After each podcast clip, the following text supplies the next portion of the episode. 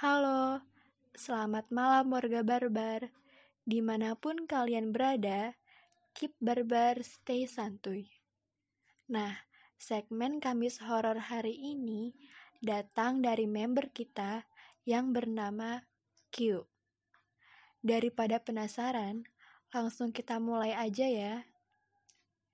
Judulnya, Rumah Tua di Belakang Sekolah.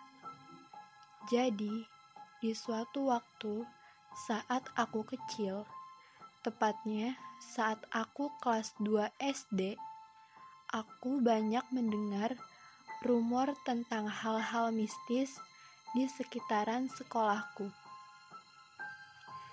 Ya namanya juga anak kecil, pasti percaya-percaya aja sama rumor yang seperti itu. Berhubung aku memang hanya satu tahun di sana, jadi, aku nggak tahu benar enggaknya rumor ini. Di antara semua rumor, kurang lebih seperti ini. Sekolah yang dibangun di atas tanah bekas kuburan, kolam ikan yang merenggut nyawa, wilayah mistis yang nggak boleh ditunjuk sembarangan, dan rumah kosong di belakang sekolah. Di antara semua rumor, yang paling menarik adalah misteri rumah di belakang sekolah. Suatu saat, aku dan tiga temanku berencana melakukan ekspedisi di rumah itu. Aku memilih waktu setelah sekolah selesai, dan waktu itu mungkin sudah sekitar jam 3 sore.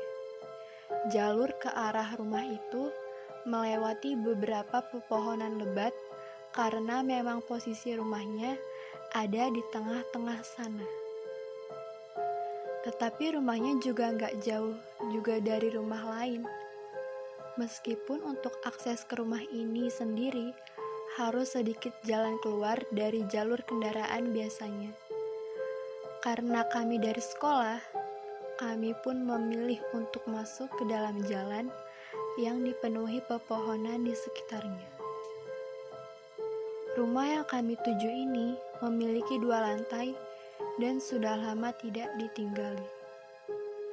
Terlihat dari betapa berantakannya bagian sisi luar rumah, aku sudah bisa membuat kesimpulan jika rumah itu memang sudah lama kosong.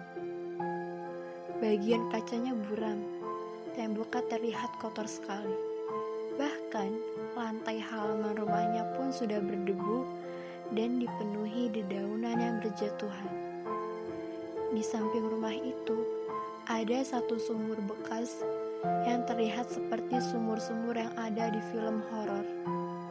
Awal aku datang, semuanya memang benar-benar sepi. Tak ada tanda-tanda manusia selain kita berempat. Aku dan teman-temanku membagi tugas untuk mengecek beberapa sisi rumah ini. Aku dan pergi ke sumur, dan sisanya mengecek pintu masuk ke dalam rumah. Ku tahu ini tidak sopan, tapi karena saat itu aku memang masih kecil, aku tidak terlalu menghiraukan hal itu. Temanku membuka penutup sumur, dan aku melihat-lihat bentuk rumah tersebut. Di jendela atas, aku melihat suatu sosok yang cukup asing dan samar seperti berdiri mengawasi dari sana. Fokusku terpecah ketika temanku tiba-tiba menutup kembali sumur dan bilang jika isi sumur tersebut berwarna merah. Aku pun mengecek sumur tersebut, tetapi airnya jernih. Hanya saja karena sumurnya kotor, jadi terlihat gelap. Aku tidak tahu apakah temanku membohongiku atau tidak. Ketika aku melihat kembali ke jendela atas, sosok itu menghilang entah ke mana. Aku tidak yakin ingin memberitahu temanku karena bisa saja itu tirai jendela yang tergeser karena angin. Tapi, apakah iya ada tirai yang posisinya di tengah-tengah jendela tiba-tiba bisa hilang dalam hitungan detik? Aku dan temanku pun menyusul ke pintu masuk rumah tua ini. Temanku bilang jika pintunya terkunci, dan ketika aku mencoba membukanya, pintunya memang terkunci. Aku merasa semua ini sudah cukup, dan aku pun memutuskan untuk mengakhiri ekspedisi ini. Ketika ingin pergi, ada sesuatu yang aneh dari pintu masuk tadi. Terdengar suara seperti pintu yang diketuk dengan kencang, seperti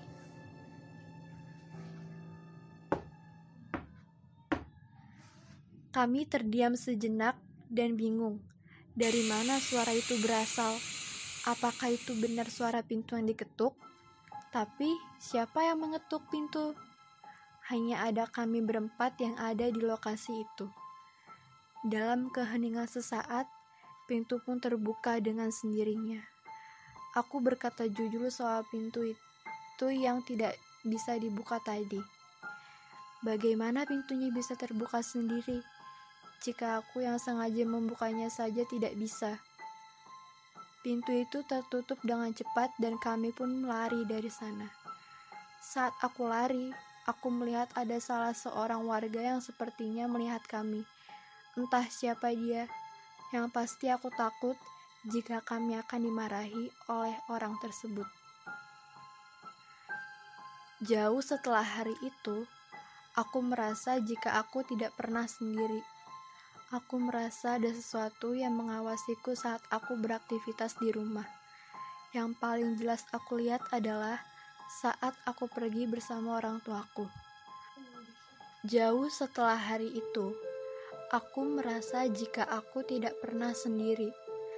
Aku merasa ada sesuatu yang mengawasiku saat aku beraktivitas di rumah. Yang paling jelas aku lihat adalah saat aku pergi bersama orang tuaku, aku melewati suatu toko bangunan yang tidak jauh dari rumah.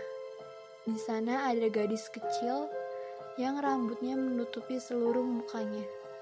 Aneh, anak siapa yang berdiri di depan toko bangunan malam-malam seperti ini?